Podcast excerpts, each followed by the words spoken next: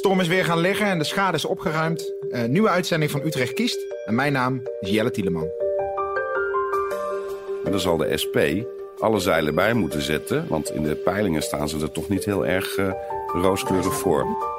Wat wel aardig was in dat debat is dat daarmee ook meteen een heel groot verschil tussen de twee grootste partijen in de stad duidelijk wordt.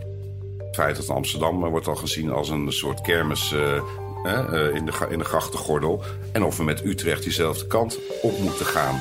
Dat er minimaal 30 miljoen euro bij moet om de Uithoflijn te gaan laten rijden. Er wordt schimmig over gedaan. En ik hou niet van schimmigheid in de politiek. Zeker niet als het over financiën gaat. Het is gewoon belastinggeld. Maar één vrouw in de gemeenteraad. Dit is een Mark Rutte kieslijst. Vind ik ongelooflijk slecht voor een liberale partij.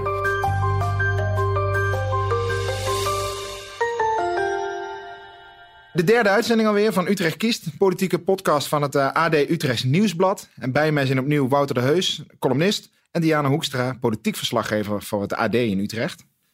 Deze week veel politiek nieuws. En laten we nog even kort terugkomen op de uitlatingen van de PVV-lijsttrekker Henk van Deun. Uh, hij zei dat wat hem betreft bij wijze van spreken de Oedo-moskee in Utrecht zou mogen afbranden. En deze week deed de Oedo-moskee aangifte en liet ook Geert Wilders van zich horen. Hij heeft gezegd uh, dat dat bij wijze van spreken was. Hij had het beter helemaal niet kunnen zeggen. Dat vindt hij inmiddels zelf ook. Uh, en dat is de goede conclusie. En uh, wij gaan verder enthousiast campagne voeren in Utrecht. De campagne van de PVV in Utrecht begint met excuses aan een moskee. Een droomstart? Nou, ik heb zelf geen excuses gehoord. Nee, maar de lijsttrekker wel? Nee, ik heb ook geen excuses van hem gehoord. Dan moet hij mij dat toch een keer laten zien waar hij dat zou hebben gedaan. Maar hij heeft gezegd dat hij het beter niet had kunnen zeggen. op die manier, dat ben ik met hem eens. Moeten we meneer Wilders toch even corrigeren? Want hij heeft wel zijn excuses aangeboden. Dat heeft hij namelijk in het AD gedaan. Hij heeft gezegd dat hij zijn excuses zou gaan aanbieden aan de Oene Moskee. Diana, hoe gaat dit aflopen? Nou ja, hij, uh, Henk van Deunen heeft een aangifte aan zijn broek hangen sinds deze week. Um, de twee zelfs? Ja, twee zelfs. Ja. Iemand uit Zaandam die uh, heeft om dezelfde reden aangifte gedaan. Namelijk, um, de Oele Moskee uh, redeneert zo dat de PVV er wel degelijk heeft aangezet tot discriminatie, haat en geweld. En uh, nou ja, ze hebben juridisch advies uh, ingewonnen. En uh, uiteindelijk dus toch besloten om die aangifte door te zetten. Hoewel ze daar aanvankelijk um, nou ja, niet per se echt op, op aanstuurden. Maar ze hebben toch gezegd, ja, er is hier nu wel echt een grens overschreden. En, um, en hier trekken we een grens. Wouter, hoe loopt dit af? Ja, ik denk dat, dat, dat er geen zaak verder in, in zit. Dus ik denk dat dat met een sisser afloopt. Met een sisser loopt het af. Um, deze week ook veel gedoe over de horeca in Utrecht. Uh, we, hebben, we hebben gewoon nieuws. Gemeente Utrecht wil meer ruimte bieden aan ondernemers. Zo mogen winkeliers met het nieuwe beleid ook koffie schenken. En is het makkelijker om je als horecaondernemer in een wijk te vestigen. We zijn niet uit om heel veel meer cafés in de binnenstad te gaan toevoegen. Waar het kan misschien wel, waar het uh, niet kan, uh, zeker niet. Ook wil wethouder Krijkamp juist de horecaondernemer en de buurt bij elkaar brengen. Wat we gaan doen is zulke regels opstellen dat we ook van horecaondernemers verwachten dat zij goed contact en goed overleg met hun buren hebben. Dat ze afspraken vooraf maken uh, wanneer er bijvoorbeeld in een restaurant uh, s'avonds muziek wordt gedaan. Dat soort dingen gaan we allemaal met het nieuwe kader regelen. En dan lees ik deze week in het AD een artikel met de kop toch rem op uitbreiding horeca en deel van Utrechtse binnenstad. En twee dagen later D66 blaast de aftocht. Wat is, wat is hier gebeurd? Ja, er is ontzettend veel kritiek gekomen op die plannen van uh, wethouder uh, Krijkamp van D66. Met name mensen uit de binnenstad, dat moet wel gezegd. Maar goed, dat gaat natuurlijk over een gedeelte van de stad ook waar ontzettend veel horeca is. En waar uh, de wethouder uh, de regels wil versoepelen, zodat er dus meer horeca kan komen. En uh, ja, dat leidde tot enorm veel verzet. En Krijkamp ja, zag dat ook al besloten nou, zijn plan al enigszins aan te passen. Um, en het een en ander toch weer ja, zeg maar iets meer een rem te zetten weer op die versoepeling. Maar afgelopen dinsdagavond bleek dat voor een meerderheid van de raad uh, nog steeds niet voldoende. Ja, want toen was er een commissievergadering. Ja. Daarin worden nog geen besluiten genomen, maar een soort van voorbereid. Daar wordt er ja. al inhoudelijk over gesproken. Ja. En daar bleek dus dat D66, de plannen die zij hebben met die horeca, dat dat niet helemaal doorgaat. Nee, nou ja, er is gewoon geen meerderheid voor. En het belangrijkste is eigenlijk dat uh, een van de coalitiepartijen, namelijk GroenLinks, tweede grote partij van de stad, uh, uh, daar fel op tegen is. Die zegt, nou, er is eigenlijk veel meer in dit plan veel meer ligt de nadruk op, op de levendigheid in plaats van de leefbaarheid. En zij zeggen van, nou, wat we eerst moeten doen is dat er wat gedaan wordt aan die overlast die mensen ervaren in de binnenstad, alvorens we eventueel besluiten die horeca uit te bereiden. En GroenLinks-raadslid Thijs Wijstra kreeg uh, ja, best wel wat steun uh, uit de raad. met name van de oppositie, maar ook van de coalitiepartner SP op dit gebied. Waardoor Krijkamp ook genoodzaakt was om, ja, om dat omstreden punt aan te passen. Ja, Wouter, de, de wethouder heeft zijn plannen moeten aanpassen. Wordt in een groot verkiezingsthema? Nou, volgens mij heeft hij zijn plan moeten intrekken. Of, uh, of Gedeeltelijk, mag... alleen op het punt van de binnenstad. Ja, maar goed, de binnenstad ja. is natuurlijk het grootste horecadeel van, uh, van Utrecht. Ik wordt, vond wordt het, er een groot thema? opmerkelijk dat, uh, dat GroenLinks... die begon echt een soort van actie te voeren. ik, ik proefde zelf een beetje het chagrijn als vier jaar geleden net voor de verkiezingen. Daar heb ik een, een column ook over geschreven. Dat, je weet nooit of dat helemaal klopt. Maar ik vond het een opmerkelijke aanpassing van uh, het, het, standpunt van. Ik, laten we zeggen, ik had nooit uh, begrepen dat GroenLinks hier zo scherp in zou zitten. Ja. En voor um, D66 was dit best een, een groot punt. Er is veel over gesproken hoor, over die horecanota. Maar gaat Ja, het tijdens de verkiezingen ook een groot thema worden? de- de- de- ja, ja, dat gaat het worden. ik denk ook dat GroenLinks die er zo'n punt van heeft gemaakt... omdat er verkiezingen aankomen. En Dan moeten we echt dit- met elkaar in verband zien. Ja, denk ik wel. Kijk, het, eh, nou is het ook wel zo dat het best wel lang heeft geduurd... voordat Krijkamp die plannen af had. En dat dat nu net, zeg maar, samenvalt met, met, eh, ja, met de verkiezingen. Ja, dus hij als eerder als zijn, ja, dan had hij eerder moeten zijn. Goed, nu grijpt GroenLinks dit aan... om in ieder geval hun standpunt goed over het voetlicht te brengen. En ja, ik denk wel... wat wel aardig was in dat debat, is dat daarmee ook meteen een heel groot verschil tussen de twee grootste partijen in de stad duidelijk wordt. Namelijk GroenLinks die zegt we moeten die groei van de stad beteugelen en niet per se faciliteren. Terwijl D66 dat eigenlijk wel wil. Die zegt ja, de groei van de stad moet ook gelijk opgaan met de groei van de horeca. Het gaat ook een, beetje over eh, het feit dat Amsterdam eh, wordt al gezien als een soort kermis eh, in, de, in de grachtengordel. En of we met Utrecht diezelfde kant op moeten gaan. Ja. En daarom is het een belangrijk onderwerp. Gaan we dan met die binnenstad, eh, wordt dat een openlucht eh, kerm, nee, een eh, grote kermis met Ja. alleen maar horeca? Of heeft het nog andere functies? Ja. Moet het ook leefbaar zijn als woongebied? Ik denk dat GroenLinks vooral ook dat heel belang- belangrijk zeker. vindt. Ja. Dus- Dat gaat de komende tijd nog wel een leuk onderwerp worden in verschillende debatten. Hij brengt je veilig naar jouw halte. Als hij er straks is, rijd je in 11 minuten naar Utrecht Science Park de Uithof. Of blijf nog heel even zitten. Dan brengt hij je vervolgens naar Eindhalte de Uithof Park and Ride. Hier eindigt of begint je reis. Er wordt nu nog hard gewerkt, maar hij komt eraan. De Uithoflijn. Deze week werd bekend dat er minimaal 30 miljoen euro bij moet om de Uithoflijn te gaan laten rijden. Wouter, wordt dit net zo'n pijnlijk verhaal als de Noord-Zuidlijn in Amsterdam? Nou, op een hele andere schaal. De Noord-Zuidlijn is eh, anderhalf miljard eh, duurder geworden, of bijna 2 miljard. Dit gaat natuurlijk over, eh, over peanuts als je het daarmee vergelijkt. Wat, wat wel interessant is, is eigenlijk twee dingen. Er wordt schimmig over gedaan. En ik hou niet van schimmigheid in de politiek. Zeker niet als het over financiën gaat. Het is gewoon belastinggeld. Openbaar bestuurders moeten daar gewoon volledig open over communiceren. En dat eh, Los van Hooydonk dat allemaal nog geheim heeft gedaan... vind ik een, eh, een hele slechte zaak. Want zij is de wethouder van. Sorry, wet van, eh, Los van Hooydonk is natuurlijk de wethouder Verkeer en Vervoer Milieu. Het is een belangrijke, belangrijke lijn, die HOV-lijn. Wat is de, wat is de HOV-lijn? Hoogwaardig openbaar vervoer. We gaan, we- ik moet even inderdaad uit mijn termen kruipen. Nee, heel goed. Vroeger had je natuurlijk, of die heb je nog steeds, lijntje 11 naar de Uithof. Die zit altijd barstens vol. Daar moet een, eh, een trambaan eh, komen. Lijn bij- 12 trouwens. Sorry, lijn 12. Ik zeg 11. Het is 12. Hij eh, is bijna klaar. De, de, de, de tram naar de Uithof. Als dat ding eh 30 miljoen duurder eh, is, ja, dat kan. Hè. Dingen kunnen duurder worden, maar wees er gewoon open over. En, eh, en ga dat niet in, eh, in beslotenheid de hele tijd vergaderen. Ja, want Nou, Diana, 30 miljoen, waar komt dat vandaan? Ja, het heeft te maken met uh, busremise, die ineens uh, ja, waar meer geld voor nodig is. En volgens mij ook het bedrijf voor de exploitatie, uh, zoiets. daar moet ook nog 20 miljoen bij. En dat, dat is overigens dat bedrag, in totaal 30 miljoen. Dat is een bedrag wat de gedeputeerde deze week aan de provinciale staat heeft gevraagd om, om te reserveren. Dus zeg maar, de provinciaal bestuurder heeft gezegd, er moet minimaal 30 ja, miljoen bij. Ja, precies. Die heeft daar geld gevraagd aan de provinciale staat en die zijn daarmee ingestemd. Ja, die officieel nog niet, maar iedereen weet van ja, uh, shit, het is hartstikke veel geld, maar het, het, is een de rijdende trein of een tram in dit geval. Dus, en die kun je ja, niet stoppen. Nee, je kunt niet meer terug. I, iedereen, wil, iedereen wil dat ding, dus ja, je zult wel moeten.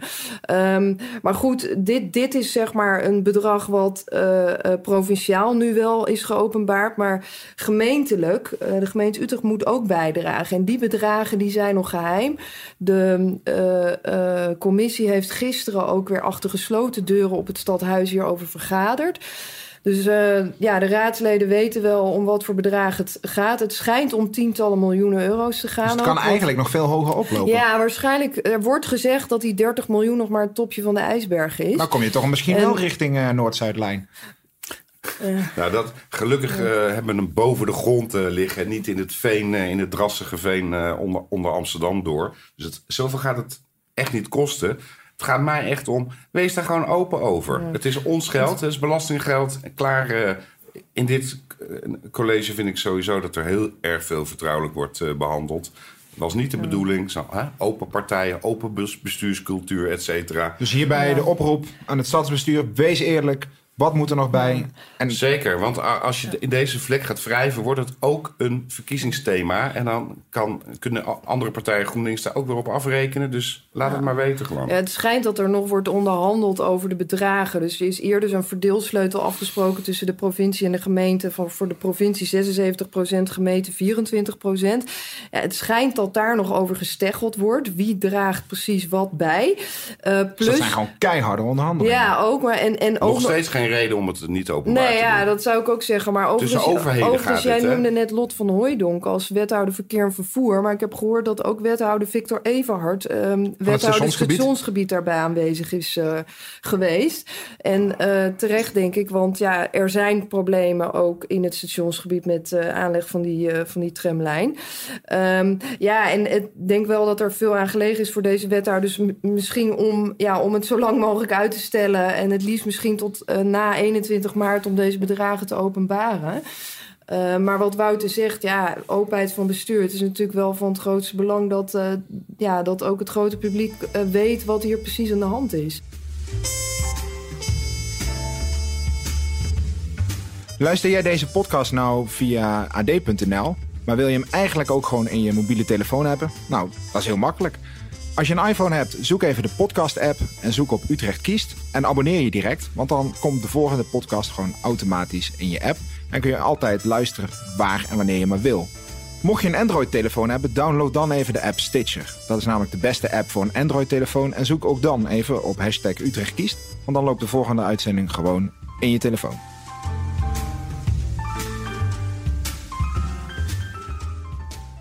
Vorige week bespraken we de twee grootste partijen in het Utrechtse stadsbestuur, GroenLinks en D66. Vandaag gaan we het hebben over de twee kleinere partijen aan de flanken. Twee partijen die wel deelnemen in het stadsbestuur. En dan hebben we het over de SP en de VVD. De SP heeft vier zetels, de VVD heeft er vijf. Partijen die op een groot aantal vlakken uit elkaar staan. Maar in D66 en GroenLinks zijn wel twee partijen waar ze feeling mee hebben. Laten we van iedere partij één goed punt en één slecht beno uh, punt benoemen van de afgelopen vier jaar. Uh, te beginnen met de VVD. Diane, brand los. Ja, als je een slecht punt moet noemen bij de VVD. Ze zijn, uh, ja, als het gaat om verkeer, natuurlijk de, ja, toch de vervoersverkeerspartij van, van Nederland of van de stad Utrecht. Ja, op dat punt hebben zij het echt wel volledig laten liggen de afgelopen jaren. Kun je uitleggen waar ze het hebben laten liggen? Um, nou ja, kijk, het heeft met name te maken uh, met, um, ja, met de achterban van de VVD die ontevreden is. En die zeggen van ja, de plannen waar de VVD mee heeft ingestemd, zorgt ervoor dat de stad uh, onbereikbaar wordt.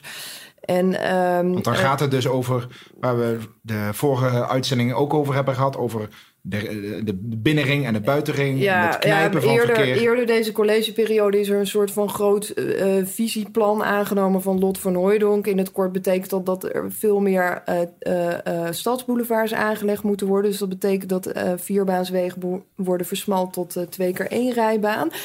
Eh, om ervoor te zorgen dat zoveel mogelijk automobilisten kiezen voor de ring en zo min mogelijk echt door de stad gaan rijden. En nou, eh, de VVD heeft altijd gezegd, nou, we kunnen daar wel mee instemmen, want we vinden het op zich ook wel belangrijk dat meer mensen zeg maar buitenom gaan rijden, zolang het maar niet de economische positie van Utrecht gaat. Dus onder, onder, ja, onder dat mom hebben ze daar hebben ze elke keer toch bij het kruisje getekend. Maar er zijn natuurlijk een Ehm, hoop partijen, en dan heb ik het niet over politieke partijen, maar bedrijven, die zijn er helemaal niet zo blij Nee, mee. die zijn er niet blij mee. En dat, dat weet de lijsttrekker Dimitri Gillissen eh, ook. Ehm, en daarom zit hij denk ik ook wel in een hele moeilijke positie op dit moment. Want hij moet dus enerzijds die achterban tevreden houden.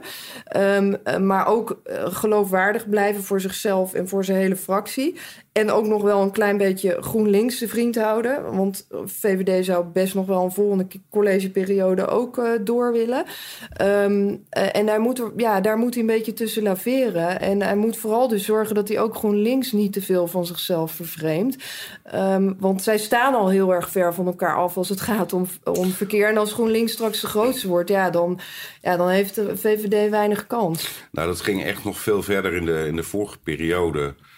Eh, wilde GroenLinks absoluut nooit, never met de VVD in een, in een, in een eh, college zitten. Dus het is Die wilden vrij- gewoon helemaal niet met elkaar Nee, er besturen. was, er was, er was eh, in de periode hiervoor was er echt een, eh, een, een, een dramatische verhouding tussen GroenLinks en de VVD. Ja. De afgelopen, eh, de vier jaar voor dit college, eh, ging de VVD er ook nog snoeihard in in de oppositie. GroenLinks zat toen ook in het college. En dat hebben ze echt de laatste jaren van die periode afgezwakt... om GroenLinks niet te veel tegen de haren te, in te strijken... om toch weer een wethouder te kunnen leveren in het stadsbestuur eh, te zitten. Nou, dat hebben ze nu vier jaar gedaan. Ik weet eigenlijk niet of de VVD heel veel heeft kunnen scoren in, eh, in deze coalitie. En toch ga ik je vragen om iets positiefs te noemen. Ja, dat, ga, dat, zal, ik, dat zal ik doen. Ehm, ik zag bij de eh, verkiezing van wie is de beste wethouder in onze krant... dat eh, Kees eh, Geldof van de VVD, wethouder van de VVD, daar als zwakste uitkwam. Ik vind dat niet. Ehm, hij heeft bijvoorbeeld in Leidse Rijn het hele centrumplan goed vlot getrokken. Is daar zeer kritisch en niet des VVD's omgegaan met Kun projectontwikkelaars. je, kun je kort uitleggen, want over Leidse Rijn Centrum, daar is best wel veel over te doen geweest. De plannen Zeker. werden eh, een beetje gemaakt in de financiële crisis. Allerlei partijen trokken zich terug. Ja. Kun je dat, wat, wat, wat heeft hij dan gedaan? Nou, wat, wat hij gedaan heeft, want natuurlijk was de, begon de economie weer uit het slop te komen toen, de, de- toen deze coalitie aantrad. Maar dat was zeker nog niet zo op het gebied van winkels, et cetera. Het was echt een drama. Die plannen die moesten teruggeschroefd worden, kleiner. Eh, De projectontwikkelaars die hadden, eh, die wilden heel graag dat het daar wat kleiner werd. Want ze dachten niet om winkels te kunnen verhuren. Eigenlijk heeft eh, Kees Geldof partijen redelijk goed bij elkaar gekregen... om wel het plan overeind te houden... maar het wel iets terug te brengen in volumes... zodat het door de markt opgenomen kon worden. En natuurlijk, nu heeft hij die economische wind in de zeilen. maar dat was niet zomaar gezegd dat een VVD-wethouder... eh, marktplannen zou gaan inkrimpen en dergelijke. Dus dat, dat heeft hij buitengewoon eh, aardig gedaan. En het is ook een hele relaxte eh, man. Dus ik vond hem zeker niet de slechtste van dit college. Maar heeft hij echt een VVD-gezicht, vind je? Nou, dat, dat, dat zou je als, dat zou je, als kritiekpunt kunnen hebben. Het is een gematigde wethouder wat dat betreft. En niet een eh, snoeiharde VVD. En de oppositie was hij overigens wel, kon die keihard zijn. Waarom is dat nu niet meer zo? Omdat hij, Nee. Is dat omdat hij wethouder is geworden en een andere rol heeft? Absoluut. Je ziet eh, dat in de oppositie eh, overschreeuwt iedereen zich een beetje. Eh, en als iemand wethouder wordt, sowieso wordt hij al wat eh, rustiger. Want hij heeft 34 stafvergaderingen in, in de week. Die wordt van links naar rechts door zijn ambtenaren beteugeld. Dus je zal altijd wat moeten inbinden als je wethouder wordt. Ja, dan ben je het eens met Wouter die zegt... Geldhof heeft uh, winkelcentrum Leidse Rijn dat het moeilijk heeft rechtgetrokken? Ja, op zich wel. Ja, dat, dat heeft hij op zich best goed gedaan, denk ik. Uh, ja, dan moet je ook wel bij zeggen dat hij dus inderdaad ook het economisch tij mee uh, had. Uh, dat helpt ook wel, natuurlijk. Zeker. Maar dat, dat heeft hij absoluut niet slecht gedaan, nee. Maar kijk, ik, ja, ik vind wel... Um, Wouter refereerde daar ook al eventjes aan. Kijk, in de vorige periode was hij echt als fractievoorzitter van de oppositiepartij... altijd heel erg kritisch op de geldvers geldverschillen versvlindende linkse hobby's van GroenLinks, PvdA en D66. Nou, kritisch. En, en waar, waar, had hij het dan met name over? Nou ja, uh, culturele subsidies bijvoorbeeld. bijvoorbeeld ja, ja. En, en, en, en misschien ook wel uitgaven over bomen en dergelijke. En, en dan nu wordt hij, hij dus ook wel eens wethouder van de bomen genoemd, hè? Ja, ja klopt. Ja. Maar dat doet hij ook vrij keurig. Hè? Dus hij doet ook het hele open, ja. openbaar, de openbare ruimte. Dus ja. de, het, het schoonhouden, heel en veilig. En de hele bomenparagraaf vind ik hem ook een hele relaxte, uh, verstandige ja, wethouder ja, vaak. Dat, ja, dat wel. Maar het past hem niet helemaal. En dat past ook niet bij de VVD. Ze kunnen niet echt heel erg met hem shinen natuurlijk. Uh, nee. Nee. Um, ja, goed. En ik, ik, denk, ik denk dat gewoon die keuze voor die portefeuille... maar daar heb ik al eerder gezegd dat dat gewoon geen gelukkige is geweest. En ik geloof ook echt niet dat de VVD dat in de volgende periode weer laat uh, gebeuren. Grappig is wel dat Jan van Zanen, onze huidige burgemeester... was ja. ook uh, wethouder van Stadswerken toen nog. Oh, ja. En die deed dat wel heel goed. Die ja. stond overal te vegen en uh, achterop vuilniswagens als er iets aan de hand was. En die wordt daar nog steeds op handen gedragen ja. bij die afdeling. dus VVD'ers, wethouders kunnen dat wel. Laten we Lekker. overgaan naar uh, de SP. Voor het eerst dat de SP meedoet uh, in het stadsbestuur in Utrecht. Uh, Diana, laten we naar jou gaan. Wat heeft de SP de afgelopen vier jaar voor, voor elkaar kunnen krijgen? Wat hebben ze goed gedaan? Nou ja, ze hebben op zich wel heel veel aandacht gehad voor sociale huurwoningen. Ze hebben het ook wel voor elkaar gekregen dat het aantal sociale huurwoningen in deze lopende periode tussen 2016 en 2019 uh, met netto ongeveer 1800 uh, woningen stijgt. Terwijl dat in het vorige college daalde met 3000 woningen. Kun je dat echt aan de SP toeschrijven of heeft dat misschien ook te maken met dat economische tij? Nou ja, goed, ze hebben natuurlijk wel... Ja, ik bedoel, ze zitten niet als enige in dat college. Dus, uh, maar Paulus Jansen heeft zich daar als SP-wethouder wel heel erg hard voor gemaakt. En uh, ja, ik denk wel dat daardoor dus ook wel iets meer nadruk op is komen te liggen... dan wanneer zij niet in dit college hadden gezeten. Dat, uh, dat ik zie Wouter ja knikken. Ja, prestatieafspraken die net uh, gepubliceerd zijn voor de jaarwisseling... met alle vijf grote woningbouwcorporaties... zoals Mitros, Portaal, Boex die heb ik doorgelezen en dat ziet er verdraaid uh, aardig uit. En dat uh, toch tegen de stroom in. Dat was in de vorige periode. Wat staat er in die contracten? Wat moet ik mij daarbij voorstellen? Nou, daar moet je bij voorstellen dat we hebben in Utrecht even grosso modo... ik, ik rond het even af, zeg 40.000 sociale huurwoningen. Dat moet op peil blijven, dat aantal het liefst nog wat groeien. Voor, volgens, zeker volgens de SP, om betaalbare woningbouw ook uh, in Utrecht te garanderen. En de gemeente maakt afspraken met die corporaties... die allemaal een aantal van die woningen beheren en verhuren... over nieuwbouwplannen, uh, verbeteringen... bijvoorbeeld op het, op het, gebied van energielabels... Hè, dus het verduurzamen van die voorraad. Daar, uh, daar wordt zeer zorgvuldig uh, met elkaar over gesproken. En je ziet dus nu dat er qua bouwplannen in het sociale domein... de, de komende jaren vooral heel wat extra sociale huurwoningen... toch op, op, op stapel staan. En ook het vergroenen van uh, huurwoningen. En dat is natuurlijk voor de bewoners verdomd belangrijk. Want als jij al een redelijke huur... Want die sociale huurwoningen zijn toch al redelijk wat duurder geworden... dan ze vroeger waren. Dat is een paar jaar geleden behoorlijk gestegen. Als je dan ook nog een, behoorlijk hoge energienota aan je broek hebt kan dat wel pittig zijn. En dus op die manier proberen ze ook mensen met een kleine portemonnee toch ja, vooruit te helpen. En, en, en, en Paulus Jansen is een ongelooflijke hardwerkende man. Het is, waar hij de energie vandaan haalt, is uh, mij af en toe een raadsel. Hij is als uh, Tweede Kamerlid naar Utrecht gekomen om wethouder te worden? Nou, eigenlijk is het, moet ik het anders zeggen. Hij was fractievoorzitter van de SP jarenlang. En is toen naar de Kamer gegaan en is weer teruggekomen om in Utrecht wethouder te worden. En hij heeft aangekondigd dat hij graag nog vier jaar uh, verder wil. Maar dan zal de SP alle zeilen bij moeten zetten. Want in de peilingen staan ze er toch niet heel erg uh, rooskleurig Want hij staat voor. niet op de kandidatenlijst voor de gemeenteraad. Nee. Is dat niet raar? Nou, hij staat er als lijstduwer op, hè? Nou ja, hij, niet, hij is niet van plan om in de raad te gaan. Dat sowieso niet. Hij wil de raad sowieso niet. Maar hij wil ik- door als wethouder. Ja, dat heeft ik- hij gezegd. Maar dat is iets Ja. anders als raadslid. Ik, Zeker, ja. Nee, hij gaat niet meer in de raad zitten. ik heb hem op het lijstje van de SP heb ik hem niet als raadsduwer gezien. Maar misschien, eh, ik, ik, ik heb hem maar tot, tot, af, oké. tot nummertje 11 geprint. Want eh, dat lijkt me eh, ruim genoeg voor de SP. Want die gaan er niet zoveel halen. Eh, nogmaals, een keihard werkende wethouder die Utrecht natuurlijk goed kent. Hij woont al eh, natuurlijk 100 jaar hier in Utrecht. eh, ook toen hij in Den Haag zat. Heeft jarenlang die fractie eh, geleid toen ze volgens mij met één zetel in de raad zaten. Heeft hij de, de positie van Bob Reurs eh, overgenomen. Was ook een iconische eh, raadslid voor de SP die dat heel lang gedaan heeft. En eh, Maar je ziet ook wel het belang, zeg maar, nu van dat de SP aan de linkerflank eh, naast GroenLinks eh, deel, deelneemt aan dit college. En het zorgt wel voor een goed evenwicht. Ja, in ieder geval, want ik D66 wilde per se met de VVD. ja. Toen D66 en GroenLinks hadden besloten in ieder geval samen te gaan. Maar daarom wilde GroenLinks dus wel eh, aan de andere kant, zeg maar, heel graag SP erbij. En ik denk, precies, hebben. dus ik denk dat dat voor het evenwicht dus wel heel goed is geweest in dit college. En heeft ook zegt goed dus- gefunctioneerd ja. eigenlijk hoor, Ja, vier ja, jaar. eh, wel, ja. moet ik Wouter, zeggen. Ja. net compliment, eh, complimenteus. eh, maar wat kon beter bij de SP?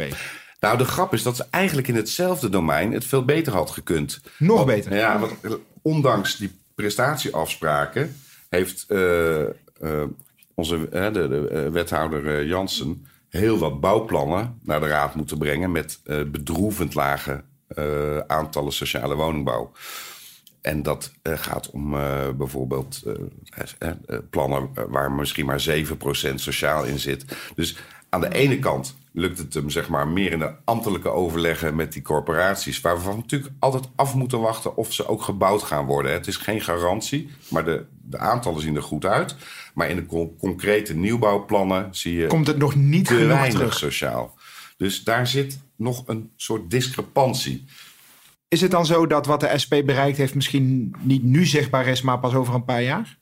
Nou ja, woningbouwprojecten, het is altijd zit een enorme vertraging op. Dus het kan heel goed zijn dat, eh, dat eh, wat hij nu de pijplijn ingeschoten heeft, dat hij er in de vo- volgende periode uitkomt. Ja, wat misschien ook nog even een aardig puntje is om te noemen... is dat ehm, de SP er ook voor heeft gezorgd... dat huurders met een laag inkomen en een hoge huur... vanaf ehm, eh, september 2007 in aanmerking kunnen komen voor een huurkorting. Eh, en dat is wel een soort, eh, of ja, je zou kunnen zeggen... wel echt een primeur geweest eh, voor Utrecht. Naar nieuw. Amsterdam. Ja, ja. Dus, en daar is de SP volgens mij zelf ook heel erg gelukkig mee... dat dat is gelukt. En is dat iets waarmee ze de verkiezingen in kunnen gaan en zeggen: stem op mij, want? Ja, ik denk wel dat dit wordt aangehaald als iets wat ze hebben kunnen bereiken in deze collegeperiode. Ja. Ja, wat je heel vaak ziet is, althans in de landelijke politiek, dat als een kleinere partij met twee grotere partijen in zee gaat, dat er eh, de kleine partij altijd de prijs betaalt in de verkiezingen die er dan komen.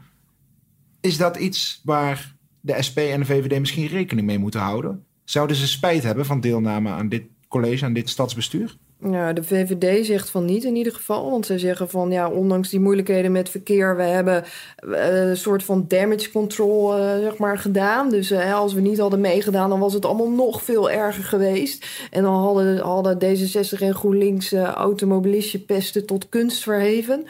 Ehm, dus ze zeggen zelf, nee, hebben we geen spijt van en we hebben ons voldoende kunnen profileren. Nou, dat geldt voor de SP ook. En ik denk dat dat eigenlijk ook wel een terechte conclusie is, ja. Ja, ik kan het er op zich alleen maar mee eens zijn. De VVD was een aantal keer uit het college gelaten. Dat, daar baalt de VVD verschrikkelijk van. Is een partij die altijd graag mee wil doen? Oppositie voeren, dat, dat ligt ze gewoon niet. Het, het komt er nooit lekker uit. Dus ze wilden zeker deze periode weer bestuurswaardig zijn. Zeker met zo'n grote GroenLinks achterban in Utrecht. En er was echt een hele slechte verhouding lange tijd tussen GroenLinks en de VVD. En de VVD hoopt dat, dat met deze deelname aan, aan deze coalitie dat weggenomen is, zodat ze straks weer aan kunnen schuiven eh, bij GroenLinks. Maar wat, wat echt wel een lastig punt gaat worden, is dat de VVD zich eigenlijk nu zegt: Nou, de milieuzone moeten we afschaffen. En, en we zijn tegen stadsboulevards. En dat zijn Dat nou juist wel de punten. Ja, maar het zijn wel de punten waar ze natuurlijk de afgelopen periode mee hebben ingestemd. Dus als je zo de verkiezingen ingaat, ja, hoe, eh, hoe reageert GroenLinks daar dan op straks? Ja, en hoe de, de moet je grap, dan is, op... de, de Ja. grap is meer, als, als ik nog eh, twee minuten mag, eh, Jelle, dat je kan daar de verkiezingen wel in, mee ingaan, maar het is vrij ongeloofwaardig. Dat, Omdat je weet ja. dat in Utrecht gaat, ga je dit niet meer ombuigen. Dus als de VVD in gaat zetten op we willen de milieuzone eruit en de stadsboulevards afschaffen, dus dat moeten toch die bredere wegen blijven, zijn ze eigenlijk een raar verhaal aan het vertellen. Eh, SP, Daar wilde ik inderdaad over hebben. Gaat de SP nog een keer meedoen? Als het kan. Oeh, ik, ja, ik denk wel dat zij zetels gaan verliezen. Eh, ja, ja dat, ik denk dat dat wel lastig gaat worden. Maar ja, het zou is niet zijn. onmogelijk. Want ik vind het een, eh, een, voor de SP, het is voor de eerste keer dat ze in Utrecht als grote stad meedoen. Ehm, ze zijn hier Oh. gewoon niet zo groot. Nee. Toch altijd wel redelijk degelijke mensen ook, Ja, eh, ja, ook op de lijst. ja. Zeker inhoudelijk qua raadsleden. Ja. Dossiervreters, eh, overal bij. Eh, ze zijn veel op straat. Ja. Ik vind het een vond een verademing eh, om die partij nu eens in deze rol te zien. Ja. Dus ik vind het een geslaagd Ja, experiment. en Mag ze blijven, ze blijven actie voeren. Hè? Wel of Ja. geen eh, collegepartij. eh, Dat doen ze dat, verdraaid goed. Komen we langzaam aan het einde. Eh, en natuurlijk weer aan de voorspellingen. Dat doen we eigenlijk aan het eind van alle uitzendingen. Dus ook aan deze. Ehm, we hebben er vijf voor de VVD en vier voor de SP. Wat blijft daarvan over? Diane. En we schrijven Ehm, mee. Nou, wat blijft er van over voor de VVD? Ik denk wel dat zij iets zullen winnen. Ehm, dus het zal ehm, ja, zes of zeven zetels. Denk Zes ik, of zeven eh. zetels, we schrijven het op. En de SP? Ehm, die gaat iets verliezen, denk ik. Drie zetels. Genoteerd, Wouter? Waarom zijn we het toch zo vaak met elkaar eens, eh, Diane? Ehm, ik ga toch zeggen, SP houdt er net vier. Omdat ik het erg leuk zou vinden om eh, Michel eh, nog terug te zien in de raad. Eh, heel uitgesproken apart raadslid, maar ongelooflijk eh, degelijk. De VVD, of ze er nou vijf, zes, zeven, acht of negen krijgen...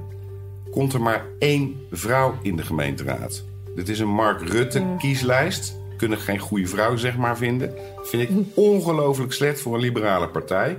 Dus eh, ik ga daar even... Ze hebben er nu vijf. Ik zeg ze winnen niks.